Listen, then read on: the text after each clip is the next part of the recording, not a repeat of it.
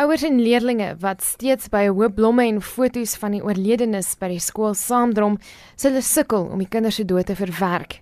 Vier leerdlinge is dood en verskeie ander beseer toe die loopvlak by Hoërskool Driehoek in Vanderbijlpark ineengestort het. Dit vir die kinders is belangrik. Ek voel vir die kinders is belangrik om skool toe te kom soos hulle behoefte het om te kom kyk. Dis vir hulle kan afskeid graad 10 maatjie verloor wat ons gedink het goed sal gaan dis belangrik vir hulle om terug te kom en afskeid te neem en hier te wees. Dit is hulle safe haven gewees weg van Lys af. Een van die ma's sê sy besoek die gedenkteken voor die skool minstens 3 keer per dag. Sy kom saam met haar seun wat 'n vriend verloor het in die voorval en hoop dat dit hom sal help om berusting te vind. Kersse, blomme, briefies, sagte speelgoed en ballonne word daagliks voor die skoolhek geplaas ten spyte daarvan dat dit gereeld weggeruim word om plek te maak vir nuwe huldeblyke.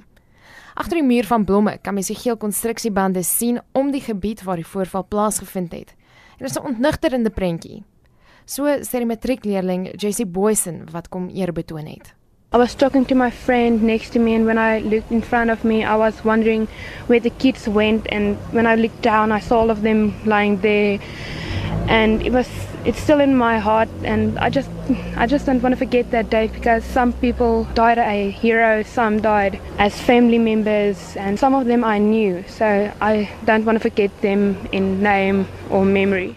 Annelie Du Plessis van die Go Purple Stichting se trauma sentrum in Vanderbijl Park bied daagliks emosionele ondersteuning aan diegene wat deur die voorval geraak word. The disbelief is immense, the trauma is immense. I call it ground zero from what the children spoke to us about. And it was horrible there when it actually happened. Sound of the falling the screens and, and everything, visual things, which I will not tell now, but it's immense. So we are giving an opportunity, a safe space where people in the community, especially the learners and families, can come to get some support after what has happened. Leerlinge is getraumatiseer en sukkel steeds om die voorval te verwerk. Die departement van onderwys waarsku egter dat die onderrigproses nie in die wiele gery word nie.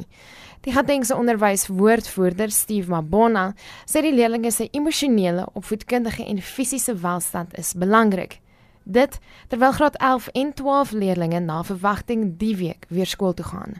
Next week, Monday, you will have all other crates coming in. We will have some temporary structures that would have been erected at that time to accommodate all other learners. Uh, but then you will also utilize some of the structures that are not prohibited for us to utilize. Counseling will also continue tomorrow morning. All learners that are still outstanding that did not uh, receive the counseling, they will then be taken through that process. Die oorsaak van die voorval word ondersoek. Hierdie verslag is saamgestel deur Jermaine Kriege. Ek's Marlene Forsie vir SAK nuus.